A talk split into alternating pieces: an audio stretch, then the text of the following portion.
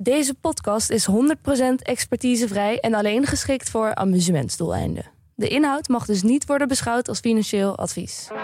Dit is Jong Beleggen, de podcast. Ik ben Milou. En ik ben Pim. Deze aflevering bespreken we iets wat Pim pas recentelijk echt heeft ontdekt. Ja, de operationele hefboom. Hoe gevoelig is een bedrijf voor de daling en stijging van de omzet? Nou, die vraag kun je straks beantwoorden.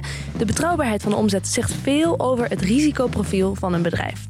Ja, dat heeft dus alles te maken met de vaste en variabele kosten. Ja, en we bespreken compounders als Nvidia en Meta. Maar daarnaast is er ook nog een hoop dat Pim met jullie wil delen over zijn gedachten van de afgelopen tijd. Ja, ik doe wel even mijn aantekeningenboekje open. Daar gaan we.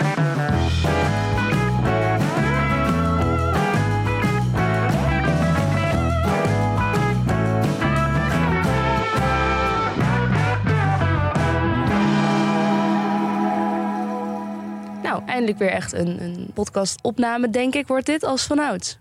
Ja dat, dat- ja, dat is wel even geleden. Ja, jij bent een tijdje geleden vader geworden. En in de aanloop daar naartoe hebben we natuurlijk ook van tevoren al wat dingen opgenomen. Zodat, nou ja, mocht jij dan vader zijn, dat je ook even tijd kon doorbrengen met de kleine. Ja, daar heb ik eh, heel erg van genoten. Maar hier zitten we dan nu weer echt eh, met een aflevering die morgen de eter in gaat. Dus we kunnen echt weer helemaal op de actualiteit zitten, hè, zoals we altijd doen. Ja, ja, ja geen actualiteit, maar wel Nee. actuele gedachten. Ja, Ja, wat ik eigenlijk een beetje doe, al, dat doe ik eigenlijk al sinds ik aan het beleggen ben, dat ik af en toe gewoon dingen opschrijf. Ik reflecteer af en toe, kijk welke keuzes heb ik, het, heb ik hiervoor gemaakt en hoe kijk ik daar nu aan, naar. Eh, en ik schrijf, als ik dingen lees of zo, dan eh, schrijf ik dingen op.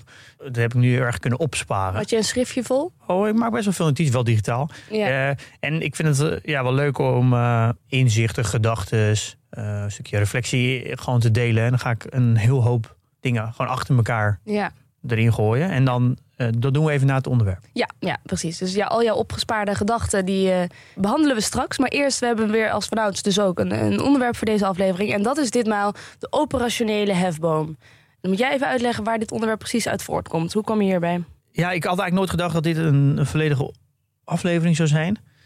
Maar ik ben eigenlijk al, nou misschien al eh, tien jaar lang heel erg geïnteresseerd in de operationele hefboom. Überhaupt, een hefboom is eigenlijk iets waar je, wat fantastisch is. Dat concept van een hefboom is heel mooi. Daar ben je eigenlijk altijd naar op zoek.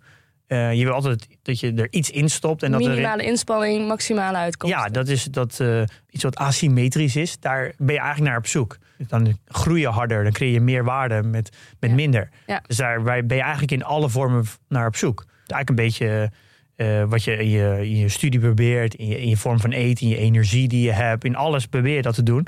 En een business is natuurlijk, wil je ook een operationele hefboom hebben. Dan is eigenlijk tijd je grootste vriend. En Ja. dit is eigenlijk de reden waarom eh, softwarebedrijven en voornamelijk abonnementdiensten zo interessant zijn. Omdat het vaak een, eh, een vaste kostenbasis heeft. En dan op een gegeven moment eh, gaat die hefboom werken. Ehm, Ja, je maakt één ding. En hoe meer mensen een abonnement nemen op dat ene ding, hoe...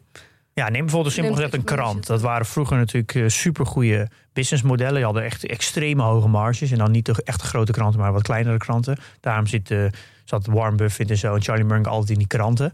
Eh, want ja, je, hoeft een, je hebt gewoon een vaste groep journalisten. Mhm. Je hebt een, eenmaal een design gemaakt en een printer. Dat heb je allemaal ingericht. Die doen altijd evenveel werk. Ja, en of je nou duizend keer verkoopt of 2000 of 3000. Dat maakt eigenlijk niet uit. Nee, want je hebt nog steeds die, diezelfde schare mensen die, die Ja, dus er hetzelfde bedrag eigenlijk hun werk Ja, doet. Dus er zit een extreme operationele hefboom in. Ja. En dit is dus ook een, denk ik, voor mensen die iets van economie hebben gestudeerd, dit eigenlijk ook wel kennen.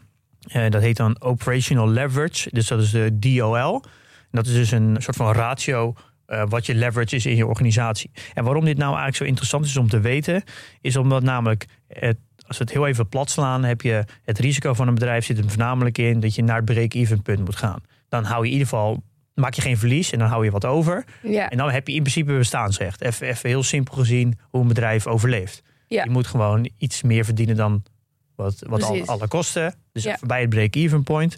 Want dan heb je bestaansrecht.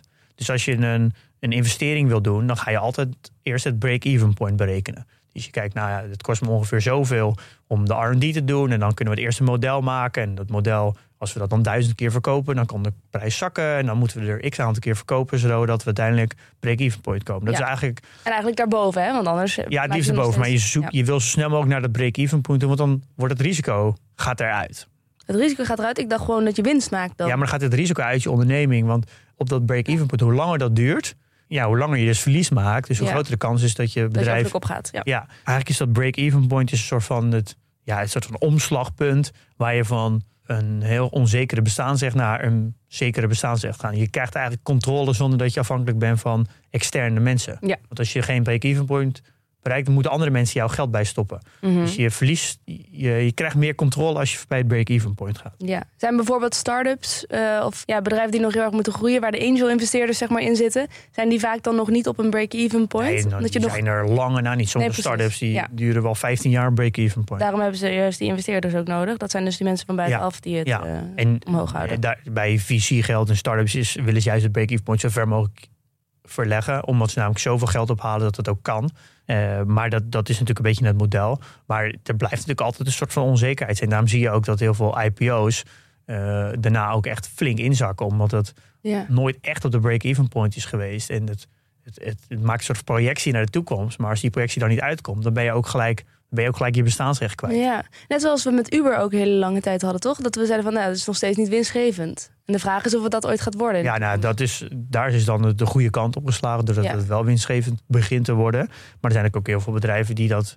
Ja. Ja, die, die, die kennen we allemaal niet meer. Maar er zijn natuurlijk eh, soort van de bedrijven die fiets zijn gegaan. eh, of in ieder geval die lager dan een IPO-koers aan. Die zijn, dat zijn er tientallen. Ja, dus eigenlijk hebben we het heel vaak over dat break-even point, indirect. Ja, vooral als het gaat om groeibedrijven, dan heb je het daar eigenlijk toch wel heel erg vaak naar. Mhm. En eh, als je het dan over risico gaat hebben, dan zit het risico eigenlijk in de omzet en, en in het soort van operationeel. En wat ik daar eigenlijk mee bedoel, de operationeel zit hem voornamelijk in waar zit het risico en de onzekerheid in de vaste kosten versus variabele kosten. Mhm. Eh, want hoe hoger de vaste kosten, hoe moeilijker het is om dat break-even point te bereiken. Ja, Dus als je bijna alleen maar variabele kosten hebt, dan ben je heel snel op het break-even point. want je kan ze ook heel snel buiten de deur zetten. Nou, want je Kosten. maakt pas de kosten op het moment dat je omzet maakt. Want de, als we even de variabele en vaste kosten uit elkaar trekken. Ja, variabel is dat je die kosten maakt op het moment dat je omzet maakt. oké. Dus even zegt een, eh, nou ja, je- een winkel, maar die verkoopt kleding of eh, supermarkt. Dus je maakt eigenlijk pas die kosten van die broek en van die eh, dat pak hagelslag als je hem verkoopt. Ja. Of als je een. eh, Precies, want zo- zolang die broek er ligt, dan... Nou ja, dan, Je, kan, zou, je zou zelfs kunnen afspreken met je inkoper dat, eh, dat je die broek pas betaalt als je hem verkocht hebt. Dus die, Ja. eh, je risico is vrij klein. Ja. Je hebt heel veel variabele kosten. En je vaste kosten zitten dan voornamelijk in, in bijvoorbeeld je pand. Dus Ja, je verhouding variabel-vast is, is heel erg variabel. En, maar er zijn ook bedrijven die precies het tegenovergestelde zijn. Neem bijvoorbeeld softwarebedrijven. Die hebben juist heel veel vaste kosten, heel weinig variabel. Of een krant ook bijvoorbeeld, dat is voorbeeld dat ik net ja gaf. precies. Eh, De variabele kosten van een krant is bijvoorbeeld het drukken. Ja. De, de distributie daarvan. Dus Ja. als je bijvoorbeeld een, in iemand, iemand neemt een abonnement erbij, moet je een krant extra drukken. En iemand moet als een postbode moet die krant bezorgen. Ja. Dus dat zijn dan je variabele kosten op je sale. Is vrij klein. Ja, Dus dus, hoe groter de eh, vaste kosten, hoe groter waarschijnlijk je hefboom gaat zijn? Ja, daar, heb je, dat is natuurlijk eigenlijk, daar komen we dan zo op. Ja, En je hebt natuurlijk ook nog je risico van je omzet. Omdat je namelijk het verschil tussen variabele en vaste kosten. Dus hoe zeker is je omzet? Dus daar gaan we straks uitleggen wat ik daarmee bedoel. Maar dat, om, om het goed te begrijpen met die hefboom. Het gaat erom, als je hoge vaste kosten hebt. Eh, en je omzet is vrij onzeker. Dan gaat automatisch het risicoprofiel heel erg omhoog van je bedrijf. ja. En daar zit eigenlijk een beetje de key in. Dan heb je wel een hoge eh, operational leverage. Omdat je namelijk veel vaste kosten hebt. Alleen het probleem is dan, als je omzet onzeker is... dan wordt je risicoprofiel in één keer heel groot in ja want het kan ook, dan werkt die hefboom de andere kant op. Ja, exact. En dit concept, eh, dit is dus iets wat ik nooit echt zo goed door had. En als je dat dan even doorvertaalt naar de beurs, dan heb je dus eigenlijk die twee varianten. Dus de zekerheid van omzet, plus hoe is het bedrijf gestructureerd. Dus veel variabele kosten of veel vaste kosten. Dus Het heeft het een low of een high operational leverage. Mhm. Dan kan je eigenlijk zeggen, wat is dan het risicoprofiel aan het hele bedrijf? Dus als je dan vertaalt naar de beurs, hoeveel onzekerheid en zekerheid zit erin? Dus wat ben je bereid voor te betalen? Ja, dus, Dus- ja. Dus als bijvoorbeeld een bedrijf hele zekere omzet heeft. Dus het, heeft, het zegt dat de omzet nooit gaat krimpen. En je hebt een, misschien een, een eh, hoge operational leverage, maar je weet dat de omzet nooit gaat krimpen, dan is je risicoprofiel echt vrij laag. ja. Want je weet namelijk dat je, je vaste kosten zijn heel hoog, maar omdat je omzet heel zeker is, Ja. eh, Weet je ook wat je eraan hebt? ga je eigenlijk dus nooit in de min. Nee. En dat is, daar ben je dus eigenlijk als, als investeerder. Dus als je het bedrijf zou kopen, zou je daar best wel veel voor willen betalen. Want je risico dat het bedrijf eh, verlies gaat maken, is daardoor eigenlijk nul. Ja. Omdat je omzet heel zeker is en je vaste kosten zijn heel hoog. Ja. eh, Het risico is heel laag. is ja. heel laag. Ja. Dan zou je dus kunnen zeggen, ja, het risico is laag. Dus dan ben ik ook bereid om daar meer te betalen voor dezelfde winst. Dus de multiple die ik voor dit bedrijf betaal, Mm. zou meer moeten zijn, want het risicoprofiel is anders. Ja. Van het risicoprofiel in hoe het bedrijf operationeel gerund wordt, is Ja. dus anders. Ja. Maar als je dus een bedrijf hebt dat heel onzekere omzet heeft, maar, wel, maar ook een hoge operational leverage, dus veel vaste kosten, maar de omzet is dus heel onzeker en er zitten jaren tussen waar de omzet ook flink kan dippen, dan ga je ook, omdat het een hoge eh, eh, operational leverage is, kan je dus ook echt, je hebt hem tegen je werk, kan je flink in de min gaan, omdat die vaste kosten heel hoog zijn. Precies. Dus dan zou je eigenlijk kunnen zeggen, al is de omzet exact hetzelfde en de winst exact hetzelfde in een bepaald jaar, dan zou je zeggen dat het ene bedrijf heeft een heel hoog risicoprofiel en het andere eigenlijk niet. Ja. Waardoor je eigenlijk zou moeten zeggen, voor het ene bedrijf zou eigenlijk beleggers meer, bereid zijn meer voor moeten betalen, want het risico is veel minder in het model, model zelf. Ja. En- Ik snap het. Dit concept is bij mij eigenlijk de laatste tijd pas goed gaan indalen. Maar vooral ook van dat het naar beneden kan gaan, ook zo hard. Nou, omdat Of- die hefboom namelijk twee kanten op werkt. Ja, en dat, en dat is het specifieke stuk wat jij nog niet heel erg door had. Nou, ik, ik begin me dus nu heel erg goed te realiseren dat een multiple op een bedrijf. Het is heel, je kan eigenlijk niet zeggen, dit, eh, ja, we gaan er gemiddeld uit dat 15 keer de winst of 20 keer de winst, eh, omdat het namelijk eh, allebei 20% groeien. Dus je, je kan dat niet gelijk trekken. Ja. Is dat als je allebei evenveel omzet hebt, even vindt en je groeit even hard, maar de omzet, de, de kwaliteit van de omzet is, is, is, meer, is, is onzekerder. Moet het automatisch een lagere multiple hebben. Ook al zijn de groeimetrics en de omzet en de winst gelijk. Maar zo wordt het in de markt niet gedaan. En dan heb je dus, eh, het, het hangt heel erg af van of je, eh, nou, hoeveel variabele kosten en hoeveel vaste kosten je hebt. Heb ik even een belangrijke vraag. Hoe zit het met mensen? Met de Ja. arbeidskrachten? Ja, dat is dus, dan, dan krijg je überhaupt de discussie wat is variabel en wat is vast. De, Ja. de soort van de definitie is alle kosten die je maakt voor omzet. Dus als ik iets verkoop, moet ik, maak ik kosten om die sale überhaupt te kunnen doen. Dat wordt gezien als variabel. Ja. En alles, de rest is vast. Nou ja, personeel is dus vast. Ja, dat is dus een heel goed punt. En ik denk dat daar Nederland en Europa daar een nadeel in heeft vergeleken met Amerika. Is Nederland is personeel, of in Europa, echt vast. Vast, vast. Ja, want dat, En dat heel is erg eigenlijk. beschermd. Dat, zie- dat, je kunt het meteen voor je zien als je dus in een restaurant zit waar ze verwacht hadden dat het veel voller zou zitten. Waardoor ze heel veel personeel hebben staan. En zitten er iets van zes mensen, staan daar dan niks te doen. Daar zie je heel duidelijk van. Ja, eigenlijk zou het een beetje variabel moeten zijn. Want Ja. eh, er zijn weinig mensen om jouw omzet af te nemen. Maar je kan niet zeggen van nou ga jij, jij, jij maar naar huis. Want je moet ze wel gewoon Ja. betalen voor de En uren. in Amerika zijn ze daar wat makkelijker in. Daar worden gewoon hele grote hordes ontslagen eh, als het even wat tegen zit. En daarom zie je dus ook wel dat bijvoorbeeld de bedrijven als Uber en Deliveroo heel erg beschermend zijn naar hun ridersmodel. Zij willen heel graag mensen eh, laten betalen per bezorging. Waardoor het variabele kosten worden en geen vaste kosten. Waardoor eigenlijk Ja. over het algemeen gezien het hele risicoprofiel van hun bedrijf verandert. Oh, dat is wel even een belangrijke nuance. Je zegt dat ze zijn heel beschermend tegenover hun riders model. Niet Ja. tegen hun riders zelf. Nee, model. Ja. ja. En dat verpakken ze natuurlijk dat het een beter is voor riders en zo. Maar uiteindelijk beschermen ze natuurlijk een eigen businessmodel. Ja. Is dat ze namelijk het risicoprofiel van hun business verandert. Omdat ze namelijk veel meer variabele kosten hebben. Ja. En kijk, in Nederland en Europa heb je dan wel... Je hebt natuurlijk al die natuurlijk verloop. En ik denk dat je wel 10, 15 procent in een natuurlijk verloop wel kwijt kan raken per jaar. Alleen als de boel een beetje keert, wat we in denk je, al 2020 en tot nu een beetje hebben gezien, is dat als het sentiment zeert en eh, de, nu de rente ging hard omhoog en economisch gaat het wat slechter. Iedereen ziet slecht weer aankomen. Ja. Dus Europese bedrijven die gaan dan wel een, een soort van stoppen met mensen aannemen. Die gaan dan natuurlijk verloop 10, 15 procent uit, maar dat duurt een tijd. En Ja. Amerikaanse bedrijven, ja, die, je zag gewoon in twee maanden tijd. eh, al die techbedrijven die gooien er gewoon eh 5000, 10.000 mensen uit. Er gaan gewoon honderden duizenden mensen. Die gaan er gewoon uit in een paar maanden tijd. Wat een mooi land is het toch. Eh, even een maar daardoor ben je dus eigenlijk wat in Europa een vaste kost is, wordt in, de, in Amerika meer flexibel, waardoor eigenlijk je business veel meer beschermd is. Ik denk dat dat ook een van de redenen is waarom Amerikaanse bedrijven het vaak ook iets beter doen.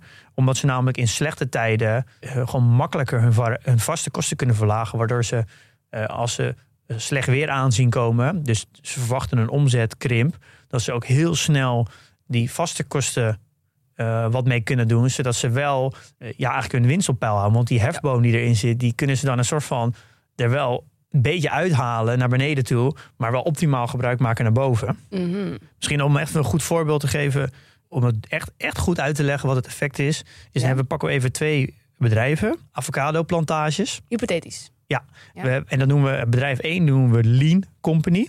Mhm. Ehm, die heeft, ze hebben allebei, en de andere noemen we Big Company. Ze hebben allebei 100.000 euro omzet. Ehm, en ze maken allebei 10.000 euro winst. Maar het verschil is, Lean Company huurt mensen in om eh, in, het, in, het, in het seizoen avocado's te plukken. Mhm. En Big Company heeft flink geïnvesteerd in machines. En zitten we in eh, Amerika ergens volgens die regels? Dat dat Nee, dat maakt niet uit. Dat nee, dat maakt niet uit. Gewoon, gewoon het even, even aannamen dat personeel Ah, variabele, variabele kosten in dit geval zijn. Ja. Want ze huren mensen in in het seizoen om avocados te plukken. Ja. Dus eh, de variabele kosten bij Lean Company is 60.000. Oké. Dus die- want ze huren heel veel mensen in om te plukken. Mhm. En de Big Company heeft 30.000 euro variabele kosten. Omdat ze namelijk geïnvesteerd hebben in machines. Oké. En die machines die, eh, zijn vast. In plaats van mensen die de Ja. avocados uit die bomen plukken. Ja. Dan, eh, dan heb je het over dus de contribution margin. Daar kom ik zo op. Maar die is belangrijk. Dus 100.000 min die 60.000 is bij Lean Company 40.000. En bij de Big Company 100.000 min die 30.000 is 70.000. Dat is dus de contribution margin. Ja. En dan dus de vaste kosten die zijn bij de Lean Company 30.000 en bij de Big Company 60.000. Dus dan kom je onderaan de streep. Allebei op 10.000 euro winst. Dus Ja. eigenlijk is het allebei hetzelfde. Dus evenveel omzet, evenveel winst. Alleen de kostenstructuur is verschillend. En nu gaan we even zeggen, wat gebeurt er nou als de omzet met 10% omhoog gaat? Dus dat is, de omzet gaat van 100.000 naar 110.000. En dan gaan de variabele kosten dus eh, bij Lean Company ook omhoog. Eh, en die gaan van 60.000 naar 66.000. En bij de Big Company gaat de variabele kosten van 30.000 naar 33.000. Ja. Nou, de, de vaste kosten blijven hetzelfde. 30.000 voor Lean Company en 60.000 voor de Big Company. Maar het verschil zit hem in. De operationele winst bij Lean Company is 14.000. Dat was 10. Dus een verhoging van 4.000 euro. Ja. Maar bij de Big Company is het van 10.000 naar 17.000 gegaan. Ah, en daar zien wij de hefboom. En daar zit de hefboom in. Dus dezelfde omzetgroei, 10%, resulteert bij Lean Company in 4000 euro winst Ja. naar de bottomline. Omdat ze ook gewoon veel meer mensen moeten inhuren. Ja, wat meer de- kosten met zich ja, meebrengt. de Big Company gaat naar 7000. En daar is die operationele hefboom. Daardoor kan dus een voorbij het break-even point... gaat in één keer die operationele hefboom heel erg werken. Ja. Eh, en eh, hoe verder je natuurlijk komt van dat break-even punt af, hoe minder die hefboom wordt, want hoe groter de winst natuurlijk al is. Eh, en dit is iets wat je als belegger eigenlijk heel goed, dit concept moet je eigenlijk heel goed snappen. Nou ja, ik zou wel begrijpen, nou- denk ik, aanvankelijk dat het eh, meer is dus bij het bedrijf dat meer vaste kosten heeft en minder dus aan variabele kosten hoeft weg te geven op het moment dat die omzet groeit. Maar niet dat het een hefboom is. Dus dat het, ja, kun je dat exponentieel noemen? Dat het Ja, dan- ja, natuurlijk. Ja. Ja, dat, dat aspect ervan had ik niet. Nee, het is heel moeilijk omdat wij lineair denken en Ja. dat, daarmee is het zo lastig. Maar dat geldt natuurlijk eigenlijk bij, eh, als we het even de andere kant op kijken, als we even hetzelfde voorbeeld nemen, maar de omzet zakt bij beide bedrijven naar 84.000 euro, dus het zakt met 16.000 euro, dan gaat Bing Company gewoon verlies maken en de Lean Company, die maakt nog steeds winst. Dus daardoor zie je eigenlijk dat het de, de, de bandbreedte, de range van uitkomst is bij de Lean Company vrij, is wat beperkter. Veel minder winst als het heel goed gaat. Maar ook, dus je gaat niet zo snel naar verlies toe als het wat slechter gaat. Ja. Dus de range van outcomes is beperkt. Ja. Dus daardoor zou kan je zeggen, het risicoprofiel is eigenlijk kleiner. Ja, Lean Company is, eh, kun je beleggen met minder risico. Ja, want de uitkomsten zijn minder, verschillen minder heftig. Ja. Maar bij de big company zijn de uitslagen kunnen heel heftig zijn. Ja. Eh, dus zowel positief als negatief. Ja. En dat zorgt eigenlijk automatisch dat het een ander risicoprofiel is. Mhm. En dan komen we eigenlijk, dat is eigenlijk over, als we het nu over de uitkomst hebben. Sowieso, deze aflevering, je moet eigenlijk even, even de show notes kijken. Er zitten zoveel afbeeldingen en zoveel tabellen met getallen. Kijk er even eten naar, dan snap je heel goed wat ik nu aan het uitleggen ben. Ja, de plaatjes helpen wel, jongens. Eh, dus het verschil tussen een bad outcome en een good outcome is eigenlijk bij, een, bij de low operational leverage is, is vrij geconcentreerd in het midden. Er is niet een extreme slechte uitkomst en ook niet een extreem goede uitkomst. Maar bij de high operational leverage is het model namelijk precies het tegenovergestelde. Als het slecht gaat, de slechte uitkomst is ook echt gelijk heel slecht. ja. Want als het fout gaat, dan kom je gewoon niet voorbij de break-even point meer. Maar eh, er zit niet echt wat tussen. Want de operationele leverage is zo hoog dat als het eenmaal voorbij het break-even point hoort, dan is de uitkomst ook gelijk heel goed. Mhm. Dat is natuurlijk een heel interessant gegeven. Je wil natuurlijk het liefst natuurlijk een high operational leverage hebben met een goede uitkomst. Nou, dat hoef je niet per se, want eigenlijk is het niet zozeer goed of slecht. Of je nou high of low operational leverage, het risicoprofiel verandert. Maar als je natuurlijk een echte, op lange termijn een compounder wil hebben, dan moet je natuurlijk zitten in de high operational leverage bedrijven. Die, en dan die natuurlijk een goede uitkomst hebben. Ja. En dan is het natuurlijk eigenlijk heel erg belangrijk dat, je, dat de omzet heel zeker is. Ja. Het gouden ei is eigenlijk een high operational leverage.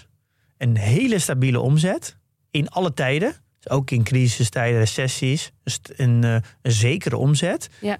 En een hoge bruto marge. En dat Ja. is echt Dat is de sweet spot. Ja, dat is, dat is Ja. de sweet spot. Want dan is er eigenlijk dus weer... dat is een compounder is het eigenlijk. risico weer weg. Een beetje. Want het risico wordt naar beneden gehaald. Ja. eh, wordt verlaagd doordat het een vaste omzet heeft. De omzet die daalt niet. Ja. Waardoor je eigenlijk die operationele leverage tegen je in, dus naar beneden toe, niet creëert. Maar omdat het namelijk juist een high operational leverage heeft.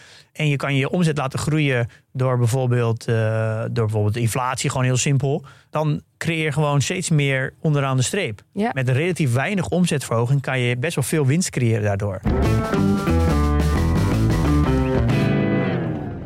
Laten we dan nu even naar wat praktijkvoorbeelden Ja. gaan. Nou, ik denk, ik heb een afbeelding in de show notes zitten. Dat is van Long Equity. En dat is van, eh, hij heeft een bedrijf, eh, Fair Isaac. Dat is een eh, Amerikaanse kredietbeoordelaar. Long equity is een persoon?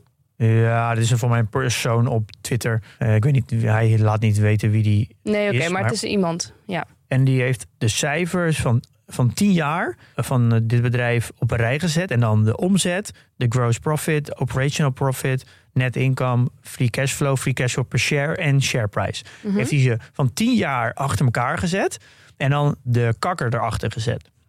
ja dus wat was- is de compounding eh annual growth rate? Dus Ja. de samengesteld jaarlijks rendement. En ja, dit is echt precies wat je wil hebben. In de afgelopen 10 jaar heeft de omzet een kakker van 7%. Dan denk je 7%, nou, is niet heel veel. Is, is misschien iets meer dan gemiddeld, maar niet bijzonder. Mhm. Maar in die 10 jaar tijd is de gross profit, dus eigenlijk de efficiëntie van het bedrijf, is met 9% ja. eh, verbeterd. De operation profit is met een kakker van 14% verbeterd. Oh. De net income, dus eigenlijk gewoon eh, de netto winst, is met 17%, een kakker van 17%. En de free cash flow met 18%.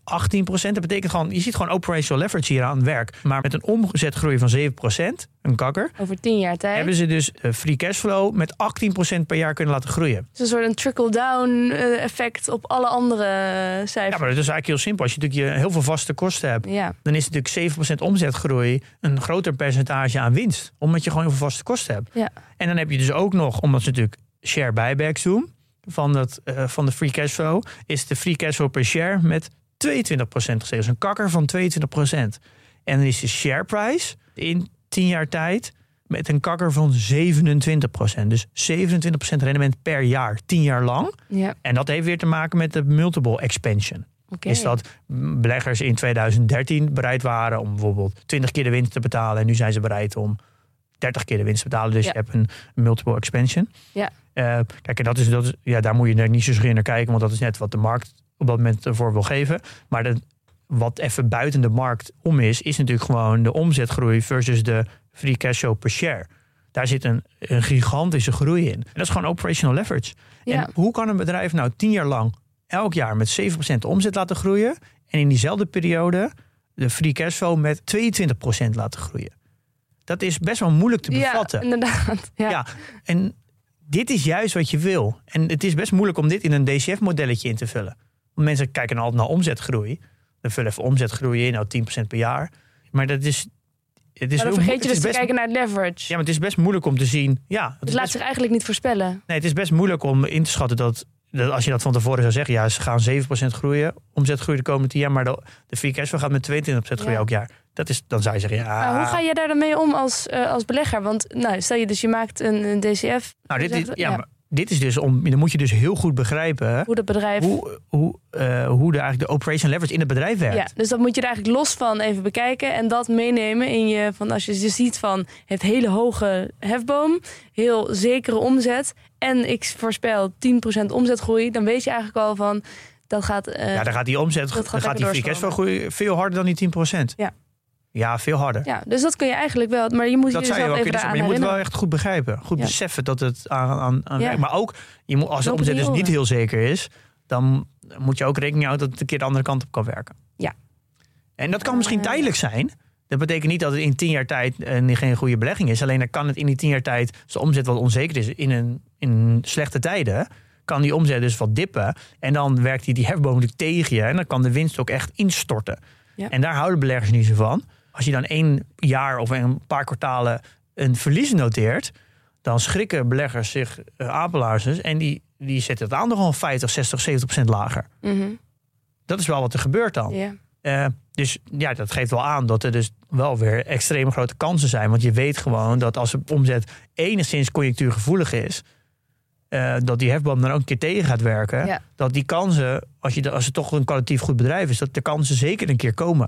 En want die de conjunctuur, dat gaat wel weer, dat neemt het wel weer mee omhoog uiteindelijk. Ja, dus dan zou het eigenlijk door die conjunctuur heen wel een steeds een goede belegging zijn. Alleen het heeft het in die periode kan het wel echt flinke dalen hebben. Ja. Eh, ik denk dat Meta daar een heel goed voorbeeld van is. Die is iets van 70, 75 procent gezakt van de piek. Alleen maar omdat het een paar kwartalen even de conjunctuur voor tegen zat. Mensen gingen geen minder advertentie betalen. Want dat is ook weer een ding. Ja. Advertenties is natuurlijk wel een hele makkelijke vorm om even je kosten te drukken. Je zet gewoon even de advertenties stop. Ja, Dus als, als je minder omzet dat zijn maakt. de variabele kosten. Ja. Ja. Dus, eh, maar een paar andere voorbeelden. Ik heb er een heel rijtje op de website gezet. Eh, maar bijvoorbeeld Wolter Kluwer is ook zo'n mooie. 4,23% omzetgroei, een kagger van 10 jaar tijd. Dus in 10 jaar lang, elk jaar 4,23% omzetgroei. Denk je, ah, is traag groeien. Ja. Is niet, is niet interessant. Goeie, Is niet iemand. Daar, ga ik, daar ga ik niet naar kijken. Dat Ja. is eh, net iets meer dan inflatie. Maar de free cash flow per aandeel, die is met 12,19% gegroeid.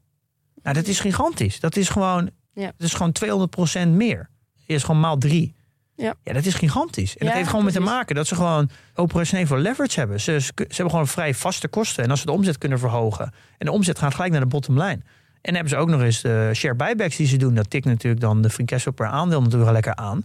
Ehm, en dan heb je ook nog eens, Wolde is in de afgelopen 10 jaar. En dan ex-dividend met 19,58% per jaar. 19,58 per jaar, 10 jaar lang. Dus je denkt een van de best presterende aandelen in Nederland. Je hoort er nooit iemand over.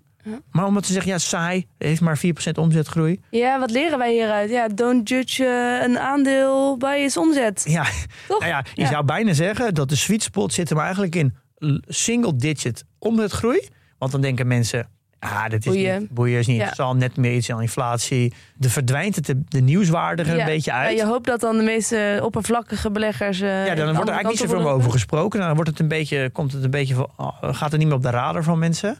Maar single digit free cash flow groei. Ja, Dat is eigenlijk wat je, dat is naar mijn idee de sweet spot. Waardoor eigenlijk de, de bewegelijkheid uit een aandeel ook een beetje gaat. Omdat er veel minder in gehandeld wordt. Ja. Eh, maar je hebt wel een extreem goede performance. nou. Kijk, Ja. ik, ik heb ASML uitgewerkt en de Microsoft. Microsoft is trouwens ook echt een pareltje als je op dit aankomt. Een omzetgroei van ongeveer 10%, maar een, een koersgroei van 24%. Daar zit wel multiple expansion heel erg in. Mastercard ook trouwens echt een onwijs goed voorbeeld. Ik heb er een paar op de website gezet. Ja, dit, is, dit is naar mijn idee, als we het hebben... We hebben een aflevering over compounders gemaakt.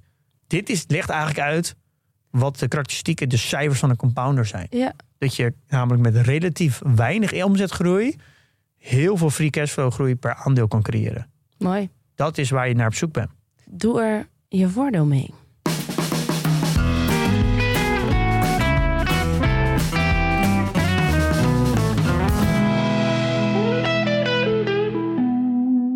Ja, we hebben in het begin al een beetje ernaar gehind. Jouw opgespaarde gedachtegangen van eh, nou ja, de afgelopen... Hoe, hoe lang zou het zijn geweest? Van de afgelopen drie maanden, zoiets? Voelt waar beginnen zes. we? Wat? Voelt als zes. Ja, het voelt als zes. Eh, waar zullen we beginnen? Nou, laten we eens beginnen met Nvidia. Nvidia. heb ik verkocht in februari voor ne- 199,90 dollar. Dus zeg bijna 200 dollar. Acht maanden geleden. Koers staat nu op 410 ongeveer. Oh, gaat die? Ja, dus dat is verdubbeld. Maar het heeft even in diezelfde periode ge- geroteerd boven de 500. Oh, Dus ja. ehm, ik had daar gewoon even 150% renne- meer rendement kunnen halen. ja. Ehm, Hoe kijken wij daarop terug? even in eerste instantie, je zou zeggen, als je kijkt naar mijn portefeuille, zeg je mijn grootste fout is just die takeaway. Kijk je naar de portefeuille, zie je daar een verlies staan. Grote rode cijfers. 14.000 euro verlies op deze positie. Echt zoveel. Eh, dus dan zou je zeggen, ja, dat is je grootste fout. Ja. Maar als je wat langer belegt, dan zijn eigenlijk de fouten steeds meer onzichtbaar. En dus eigenlijk zou kun je ook prima zou kunnen zeggen, want ik heb in absolute getallen eigenlijk meer verloren, soort van verloren of Ja. misgelopen Ja. dan die 14.000 euro die ik verloren heb op Just Eat, door gewoon door eigenlijk Nvidia te vroeg te verkopen. ja, dus het is wat Dus- je had kunnen hebben. Ja, nou, dat, ja, geen de fout opportunity gemaakt. natuurlijk. Dus Maar heb je een fout gemaakt? ja, nou, daar kom ik zo bij. Ja. Ehm, dus hoe langer je belegt, hoe onzichtbaarder je fouten worden. Dat is iets wat, wat ik daaruit eigenlijk haal. En nu even over, natuurlijk, is dit een fout? Mhm. Ik had nog een stukje van Asbald Damadaran geluisterd. Waar we die podcast over hebben gemaakt Ja. met al die fragmenten, ja? Het blijft altijd, die man blijft vol met, met informatie zitten. ja. En dat ging een fragment over regret, dus over spijt. En eh, toevallig ging dat ook, ah, nam hij als voorbeeld ook Nvidia aan. Hij had ook een Nvidia-positie. En hij is natuurlijk heel erg de, de dean of valuation. Dus ja, Nvidia moet jij verkopen. Want dit, er is natuurlijk in geen enkele vorm meer recht te praten wat het, qua de waardering. En hij heeft het toch aangehouden. En zijn redenatie was eigenlijk van spijt is iets heel gevaarlijks in beleggen. Dat als je een keer een aandeel te vroeg verkoopt en je kan daar spijt van krijgen omdat het aandeel heel erg doorgaat, kan dat namelijk in de toekomst je proces heel erg opfukken. ja. Omdat je namelijk, namelijk in de toekomst vaker gaat denken, oh, het aandeel heeft een fair value bereikt Ja. eh, en daardoor ga ik het niet verkopen. Want de vorige keer ja, met Nvidia toen Ja, heb ik dit allemaal misgelopen. gaat het eigenlijk, het, het, het verstoort je proces. Ja. Dus eh, spijt, regret is dat eigenlijk een, heel is, moeilijk. is iets wat heel erg gevaarlijk is in je proces voor in de toekomst. ja. Dat vond ik eigenlijk een, een hele mooie manier om naar te kijken. En ehm, hij zei er eigenlijk bij waarom hij Nvidia niet had verkocht in eerste instantie. Omdat het namelijk, er zit een soort van tail event in. Dus hij zegt, het is, Nvidia heeft zoveel meewind op AI. Ik kan het eigenlijk niet overzien. Maar je, in alles voel je dat het, een, dat het meewind heeft. En er zit een soort van. Er is best wel mogelijk dat daar een soort van tail-event in zit. Dat het er nog een soort van. eh, nog iets in zit. wat je eigenlijk niet van verwacht. Dat, je, dat het een uitzondering is. Ja. Alles voelt. En Nvidia voelt natuurlijk wel een beetje als een uitzondering. Dat is iets wat je niet zo vaak ziet. En soms moet je dat ook gewoon laten uitspelen. En hij heeft op een gegeven moment volgens mij ergens hoog in de 300 of 350 of zo, of 360 heeft hij volgens mij de helft van zijn positie verkocht. Oh, dat is ook een idee natuurlijk. Dus toen zeiden we, ja, dat is ook een mooie manier om niet helemaal spijt te krijgen. ja, Eh, en dat vond ik best wel een, eh, tussenweg. ja, maar ook een, gewoon een manier hoe hij zo'n keuze analyseert. En, eh, en ja, vond ik een hoop, ja, vond ik interessant. Misschien want hij doet- past dat meer bij mij dan gewoon zeggen fair value en dan verkopen. Ja, want hij doet uiteindelijk, hij, hij realiseert wel hoe hij zich voelt. En hij neemt eigenlijk dat wel mee in zijn proces, maar op een gebalanceerde manier. Hij laat Ja. het niet zich leiden, maar hij denkt van... oké, nu voel ik me zo. Is er iets wat ik zou kunnen doen om een beetje mezelf tegemoet te komen aan beide kanten? Ja, ik- En, en dan vindt hij een mooie tussenweg voor. ja dus daar, denk, ja, daar heb ik dus ja, wel weer een hoop van geleerd. Ja. Dat vond ik een interessante eh, les voor mezelf. Ja.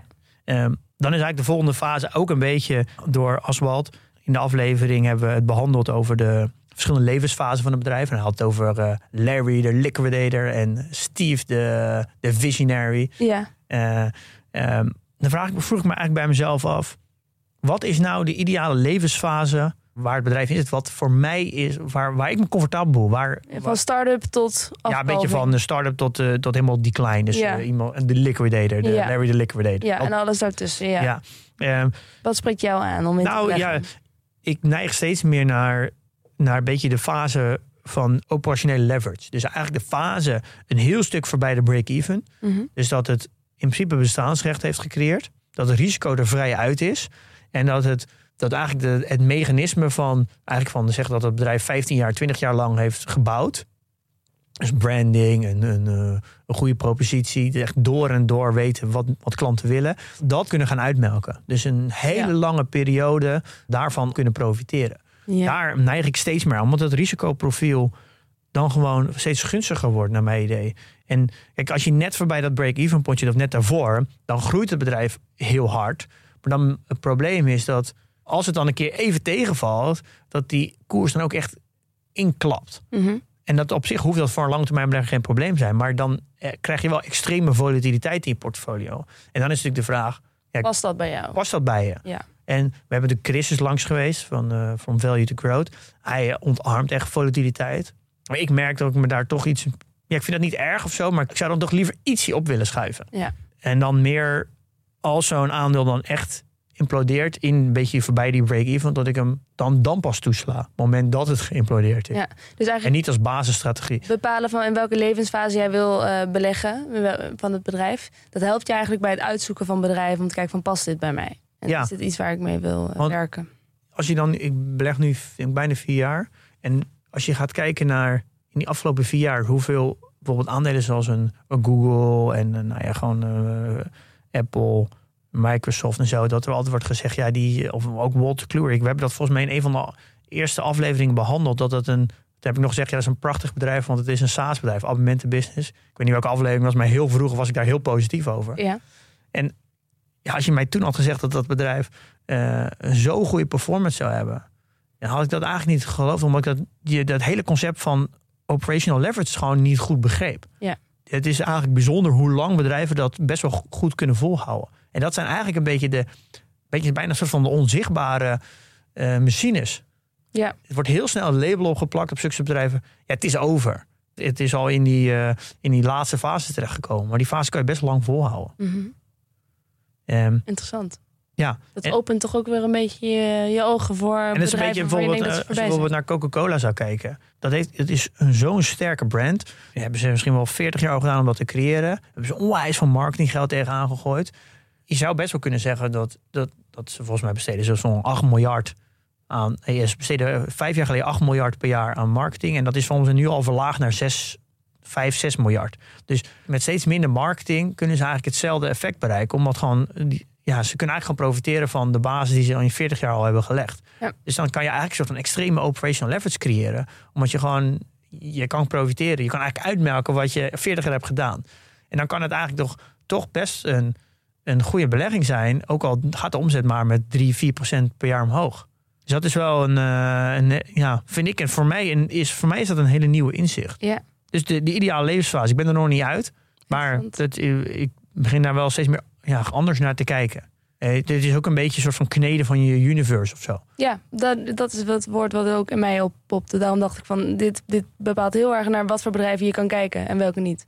Verder nog eh, opgespaarde gedachten. Ja, nou, het, het valt mij op. En dat is misschien ook wel een beetje de tijd van het eh, jaar. Of de nou, niet tijd van het jaar, maar waar, welke situatie we nu zitten qua beurs eigenlijk. Is dat je hebt gewoon heel veel te maken met negativiteit als belegger. In het nieuws heb je heel veel te maken met negativiteit. Ja, maar ook gewoon als belegger. Je bent eigenlijk constant bezig om, om. Je maakt je constant zorg. Je bent, je bent wel een soort van heel op de bal zitten. Mhm. En dan heb je gewoon heel snel te maken met negativiteit. Eh, als je dus hoe meer je bezig bent met het, het bijhouden, hoe meer negatief het wordt. En dat is toch wel. Ja, dat, dat, ja, dat, dat valt mij de laatste tijd heel erg op. Maar met negativiteit bedoel je zakkende koersen? Of wat bedoel je precies? Nee, gewoon, het is het gewoon, als je leest, het zijn gewoon heel veel zorgen. Ja, oh, het sentiment helemaal is gewoon een ja, beetje gewoon, van... eh, de, de- als je gewoon eh, de, de artikelen van het, het, eh, het gaat alleen maar slechter, dat, Ja. dan kan je gewoon een waslijst aan, aan negativiteit opnoemen. maar goed, Wat- er is ook wel veel aan de hand in de wereld. ja, maar, dat, maar daar ben je dus als belegger extra veel mee bezig. Ja. En ik denk juist dat als je op lange termijn het goed wil doen, moet je juist positief zijn. Hoe hou jij het leuk voor jezelf? Nou, dat is er waar ik dus heel erg mee zit. Is dat ik steeds meer merk dat als je steeds meer met. Het gaat heel natuurlijk. Ik ben, je bent steeds meer. Je begrijpt het steeds beter. Dus je bent steeds meer bezig om. Je hebt het gevoel dat je up-to-date moet zijn. En daardoor heb je. Dat geeft een gevoel van controle up-to-date zijn. Maar omdat je steeds meer up-to-date bent, ben je steeds meer op korte termijn bezig. Nou, op een gekke manier is dat eigenlijk ook wel te zien in mijn portefeuille. Dat er is best wel aandelen die zijn ingekomen omdat ik veel meer te kort op de bal zit. Dus het is een soort van, je wordt een soort van een palingfuik ingetrokken Ja, die eigenlijk je alleen maar, je, daar kwam je eigenlijk niet zo goed meer uit. je Het wordt een werkt, beetje een werkt je- slachtoffer, het werkt je tegen. slachtoffer van je eigen nieuwsgierigheid. Ik Je denk wordt- dat eigenlijk al het nieuws, dus alle, alle beleggersnieuws, al die podcasts, al de, de krant en zo, dat, dat, dat je eigenlijk dat geen betere belegger maakt. Mm. Want ja, je, je kan bijna afvragen, eh, wat zou Warren Buffett doen? Ja, die doet dat allemaal niet. Wat doet hij dan? Ja, die, eh, die, daar, voor dat idee heb je altijd dat hij zich helemaal afschermt in Onema, dat hij eh, ver van Wall Street zit, Ja. eh, geen krant leest. eh. Maar ik denk dat mensen toch ook denken van dat hele afschermen en het helemaal niet meer lezen, dat dat, toch, dat, dat een te groot risico is. Want straks mis je wat. Ja, nee, ik, er zit natuurlijk ergens wel een, een, een Sweet spot. een sweet spot. Maar het, Ja. het valt mij op. Ja. me- mezelf op. Dat ik dus, als ik elke dag dingen lees en steeds meer consumeer, dat ik ook dat dat effect heeft op de keuzes in mijn portefeuille. Ja, dat snap ik wel. En ik denk niet dat dat op lange termijn een positief effect is. Ik lees eigenlijk steeds minder. Ik dacht laatst, laat ik weer eens naar de Giro kijken hoe het daar gaat. Maar dat, dat is wel... En, en Ja, dat zo, daar dat, is- dat is denk ik wel is goed. is het heel makkelijk vol te houden. Ik Ja. hoef ook geen grote keuzes te maken natuurlijk de hele tijd. Maar, Maar dat, dat is misschien wel een gedachte die bij jezelf na kan gaan. Ja. Is dat heeft de, de, de samenstelling van je portefeuille nu, de keuzes die je hebt gemaakt, heeft nieuws dus, en het consumeren van nieuws dagelijks, heeft daar invloed op gehad op de keuzes die je hebt gemaakt? Ja. Een interessante vraag die je zelf kan stellen. Ik denk dat het bij mij wel heeft gehad en dat is dan eigenlijk niet goed. Nee. Denk ik. nou, maar goed Ja. dat je ervan bewust bent. Volgende. Ehm, Volgende. Ja, de andere was een uh, drawdowns. Ik, wij beleggen nu vier jaar. Ja. En ja, we beleggen nog maar vier, dus we weten niet wat in de afgelopen twintig jaar goed gebeurd is. Dat kunnen we wel teruglezen, maar dat hebben we nu niet echt meegemaakt. Maar wat hebben ik- we veel meegemaakt? Ja, ik denk dat wij bijzonder veel meegemaakt hebben als jonge belegger. Dat we misschien bijna net zoveel hebben meegemaakt voor iemand die 15 jaar belegt. Ja. Omdat er gewoon, in gewoon eigenlijk in de afgelopen, eh zeg vanaf eh, 2000, eh, ja, zeg 2010 tot 2020 gewoon niet zoveel gebeurd is. Nou ja, en we hadden niemand die eh, zijn ervaringen daarmee zo Eh, wilde delen zoals jij natuurlijk. Dus ik, ja, ik heb even, even op de website twee screenshots geplaatst van 10 aandelen. Wat drawdowns zijn ja. in de afgelopen vijf jaar. Dus dat is een korte periode. En dan heb ik even de grote bedrijven gepakt die wij collectief zien als sterke bedrijven, als kwaliteitbedrijven. En dan moet je denken aan eh, Monster, eh, Walter Kluwer, Johnson Johnson, Fair Isaac, ASML, Mastercard, Meta. Nvidia, Meta, Google, Microsoft. ja, en drawdown zijn de dalingen. Dus, Ja, dus hoe diep de dalingen Ja. zijn. En vanaf de top. Ja. Ehm, dat worden, een beetje die tien bedrijven worden gewoon even breed gezien wel als, als kwaliteit bestempeld. Ja. En de drawdowns, dus hoe diep ze zijn gegaan in die vijf jaar tijd, dat is echt gigantisch. Dus je kan meerdere conclusies trekken. Eén, als je een portfolio, portfolio vol hebt met compounders, dat kan je ze wel noemen, dan ontkom je niet aan volatiliteit. Nee. Dat is één. Ehm, twee, kansen komen dus altijd voorbij, dus heb geduld. Dus in Ja. vijf jaar tijd is elk aandeel wel, wel meerdere keren min 20 gegaan. Dus dat waren momenten geweest Dus om je- erin te je- stappen. De, je- de gedachte dat je, de- dat je de kans gemist hebt, is gewoon niet waar. Als Nee. je de afgelopen vijf jaar kijkt. Nee, inderdaad. Ehm, dat ziet er nogal grillig uit namelijk. Als ik zo Ja, naar de heel erg. Ja, ik schrok er bijna Ja. van. Eh, het, je kan dit positief of Ja, negatief hier meta, interpreteren. nog eind vorig jaar is dat gewoon, zo stond dat, min 75 Ja, procent. 76 procent. Ja. 76 procent. Ja. De aandeel is, daarna moment. 300% gestegen. Ja. En ik moet, ik moet direct aan Charlie Munger denken. Die quote. Eh, of hij heeft meerdere quotes over die, op hetzelfde. Maar zijn, zijn strategie is eigenlijk extreem veel geduld. Gecombineerd met extreme besluitvaardigheid. En dan zeg je, ja, dat is eigenlijk mijn eh, beleggingsstrategie. Het is zo simpel. Ja. Dus het is die combinatie tussen gewoon... Het is bijna een soort van... hoe- dier zou je noemen? Een beetje zo'n een jachtluipaard. ja, of een reiger. Die staat de hele tijd Ja. in die sloot, stokstijf stil. Ja, je bent Tot die gewoon... een kikker voorbij is komen en in één keer Ja, is bam. gewoon, eh, je kan zo, gewoon wel uren liggen Ja. en op dat moment toeslaan. Ja. En ik denk dat als je dan even combineert met die, eh, met die hefboom, opwas en hefboom, als je daar bedrijven naar zoekt, dat zijn natuurlijk bedrijven die vaak duur zijn. Ja. Dus ja, je- er komen wel kansen voorbij. Ja, kikkers. dus die, dat Kikkers. valt, valt mij toch op. Ja, mooi. Nou, ik geef je er nog één. Oké. Eén gedachte. Ja, Verlicht ons. nou, eh, dat beleggen eigenlijk best wel een emotionele achtbaan kan zijn. En dat is natuurlijk afhankelijk van hoe je je portefeuille indeelt. Maar ja, dit is wel echt een periode dat je, dat je best wel even eh, een paar keer eh, Onderuit gaat. misschien wel even die app wegdrukt. Ja. Dus het is toch best wel bijzonder hoe de soort van sentiment van half vol naar half leeg kan gaan. Ja. Dat het nu in één keer, als je best wel prima cijfers presenteert en de, de outlook valt, is een beetje onzeker. Of ze, het komt niet helemaal een soort van over wij gaan het maken. Dus een beetje, er zit een beetje een twijfel in die outlook. Van, of wat conservatiever. Ja. Dan kan aandeel zo op 10% onderuit worden gezet. Nou ja, maar dan terugdenkend aan wat we net zeiden over die drawdowns. Dat betekent ook dat er heel veel kansen liggen op zo'n moment. Ja, nee, zeker. Maar dat, het, is wel een emotionele achtbaan. Ja. Beleggen. En natuurlijk, eh, trouble is opportunity. eh, hoe eh, John Templeton dat zou zeggen. Sir John Templeton. Sir John Templeton. Ja. En ja, het- is toch wel, het hoort een beetje bij beleggen natuurlijk. En dat emoties komen dan toch op. En vaak is dat een contra-indicator voor jezelf. Als, het echt, als je het echt het gevoel hebt van, oh, ik trek het niet meer. Of het, eh, wordt, je wordt gewoon een soort van, eh, ja, je merkt gewoon dat emoties gaan overnemen. Dat is vaak een moment dat het, dat vaak het bodem is voor hoe erg het kan zijn. Ja. Maar ja, je moet wel rekening houden dat een daling van 5% die komt toch wel vaak drie keer per jaar voor. En een daling van 10% komt vaak één keer in de 16 maanden voor. Mm. En een daling van 15% die komt één keer in de drie jaar voor. En een daling van 20% komt elke 5,3 jaar voor. Oké, Dus- nou, dus het- gemiddeld Het hoort ja. het gemiddelde zijn dit uit het verleden. Dat hoort er natuurlijk wel bij. Maar ik, toch weer even een... Ja, beleggen is echt een emotionele achtbaan. En natuurlijk wel met el- elke vorm van emoties... als je er vaker aan blootgesteld wordt... dan neemt de intensiteit af. Dus Charlie Munger praat natuurlijk niet voor niks... dat beleggen voor een groot gedeelte psychologie is. Eh, maar ja, dat is natuurlijk...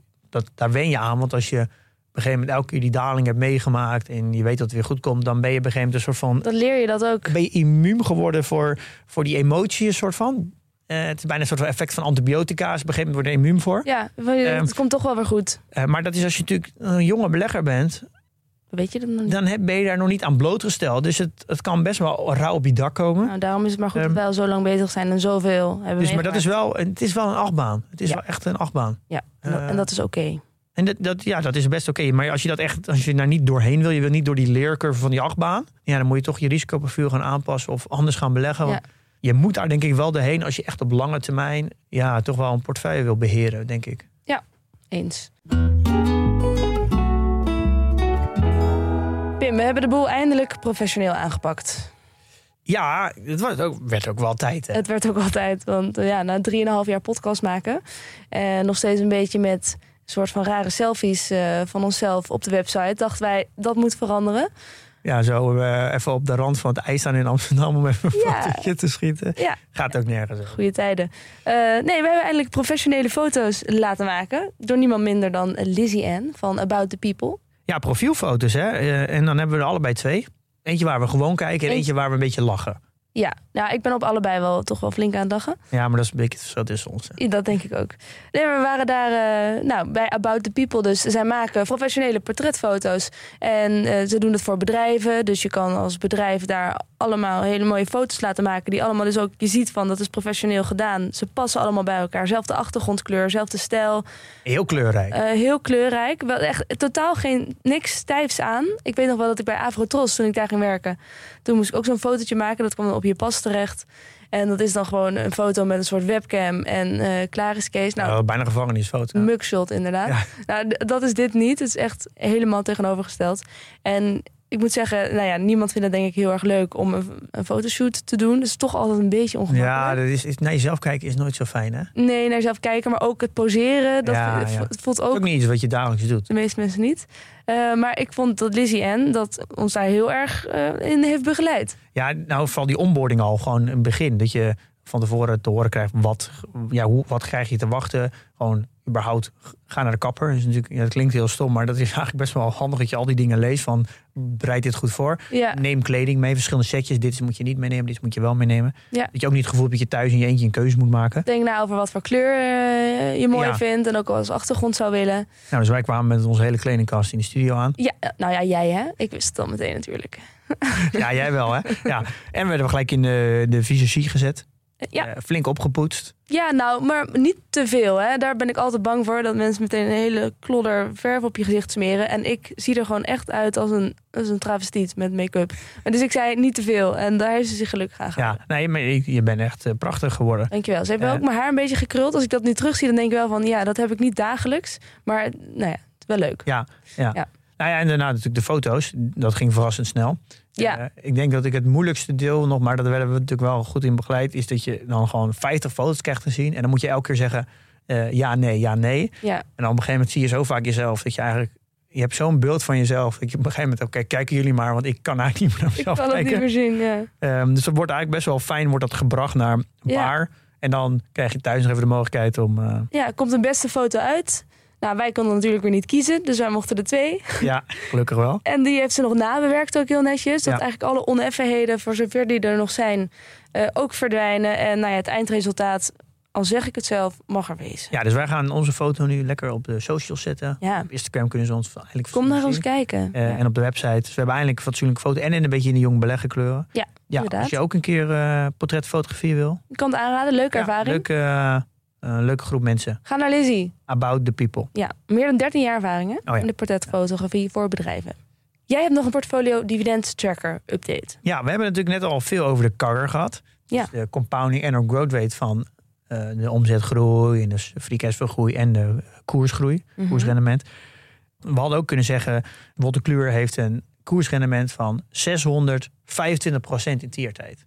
Ja, dat klinkt veel, maar je kan dat eigenlijk, ja, waar ga je dat aan relateren? Is dat veel? Want wij kunnen dat niet een soort van terugrekenen. Hoeveel is dat nou per jaar? Je kan niet zeggen, well, dat deed ik door 10. Dat werkt niet. Eh, want dat is dan geen samengesteld rendement. Nee. En je weet dat gemiddeld de beurs 7, 8 procent doet. Dat is een soort van een beetje je graadmeter, denk ik, als het gaat om compounding. Een soort benchmark. Ja, dat is in je hoofd een beetje een soort van benchmark. Dus alles Ja. boven de 8 procent compounding elk jaar, dat is een beetje goed. En alles eronder is wat minder. En eh, wij hebben dus in de PDT een update gedaan dat je ook je compounding kan zien, je pounding groei. Dus je, wij kunnen dat alleen maar berekenen als de periode langer is dan een jaar natuurlijk. Want het is een eh, Ja, jaarlijks. compound annual eh Staat growth voor jaarlijks. Ja. Ja. dus dat moet de periode ook langer dan een jaar zijn. Ja. Dus, maar dat is vooral voor mensen die wat langer beleggen. Als je dan op je max zet, dus je wil je totale performance bekijken, dan krijg je vaak een getal van eh, bijvoorbeeld eh, 100% of 120%. Dat zegt natuurlijk niet zoveel. Helemaal als jij zeven jaar belegt en iemand anders belegt acht jaar, dan is natuurlijk het, het totaalrendement voor iemand die acht jaar belegt waarschijnlijk hoger. Dus dan wil je dat eigenlijk het liefst een, de, de kagger zien van, bij elkaar, van elkaar. Want dan kan je zien wat is het, eh, de compounding rate. En dan kan je het ook met, onderling met elkaar vergelijken. Dus wij hebben nu een update gedaan in PDT dat je de kakker kan zien van je benchmark en van je eigen portefeuille. En dat maakt het dus ook makkelijker om het te vergelijken met andere beleggers. Oké, doe eens even. Waar moet ik heen? Eh, op max zetten. En dan staat er in dat blauwe, in dat groenere blokje, staat kakker. Kan je daarop klikken? Ik zie geen groen blokje. Is dit groen blokje? Ja, dat is gewoon, er staat kakker in. Je goed leest. Oh ja, Ja, dus nu zie je kakker van, jouw eh, van jouw portefeuille. En dat is, 4,21 procent. Ja. en dat is dan dat is jouw eh, annual compounding growth rate. Wat vind je ervan? Nou ja, dat, is, dat, dat, is, ja, dat ligt natuurlijk aan eh, wat de, de beurs heeft gedaan. Ja. Als je dat zou, nu zou zeggen, zou jij dus nu een... een nou, ja, ik, ja, ik weet niet of dat... Je zou zeggen, je hebt een underperformance op het langdurig gemiddelde. Mhm. Maar ja, als, de, als de, de index in die periode het ook zo heeft gedaan... dan heb je het eigenlijk prima gedaan natuurlijk. Ja. Maar dit geeft je eh, je samengestelde rendement aan. Dit is iets wat je Leuk. natuurlijk zelf heel moeilijk kan berekenen. Ja. Dat laten wij nu ook zien. Ja. Eh, en dit maakt vooral voor beleggers die langer beleggen... Het is echt heel inzichtelijk. Heel inzichtelijk, ja. Ja. Dit maakt het ook makkelijker om, eh, om te vergelijken. Dus daar ben ik eigenlijk best wel trots Ja. op deze update. Dat zal wel een beetje ingewikkeld zijn, hè? Om het te maken, of niet? Om het zelf te doen is het eigenlijk bijna niet te doen. Maar ja, in de software is het natuurlijk eh, Ja. wel te doen. Ja. ja Daarom is er eh, software. Ja, weer een reden om PDT te gebruiken. Nou, dat lijkt mij ook. Op de valreep, eh, nog even iets. We hebben hem al even genoemd, Charlie Munger. Hij heeft in een podcast opgetreden. Ja, zijn eerste podcast optreden ooit. Ja. En dat op 99-jarige leeftijd. 99. 99. Ja, niet normaal hè. Nee. Misschien is hij ook wel de oudste persoon die ooit überhaupt in een podcast heeft gezeten. Ja, we hebben er al een, een, een, een aflevering over gemaakt. Nummer 135, grote beleggers, Charlie Munger. Ja. Eh, maar nu kun je hem dus zelf horen in een podcast. Hoe heet de podcast? Acquired. Ja, hebben we het ook al eens over gehad. Van, ja, zeker. Die hebben al vaker getipt van Ben Gilbert en David uh, Rosenthal. Ja, het is toch het is trouwens sowieso een hele goede podcast. Maar deze aflevering wilde ik vind bijzonder tippen, omdat het, ja, het is Charlie Munger. Het is gewoon een, uh, het is leuk om naar te luisteren. Leuke man.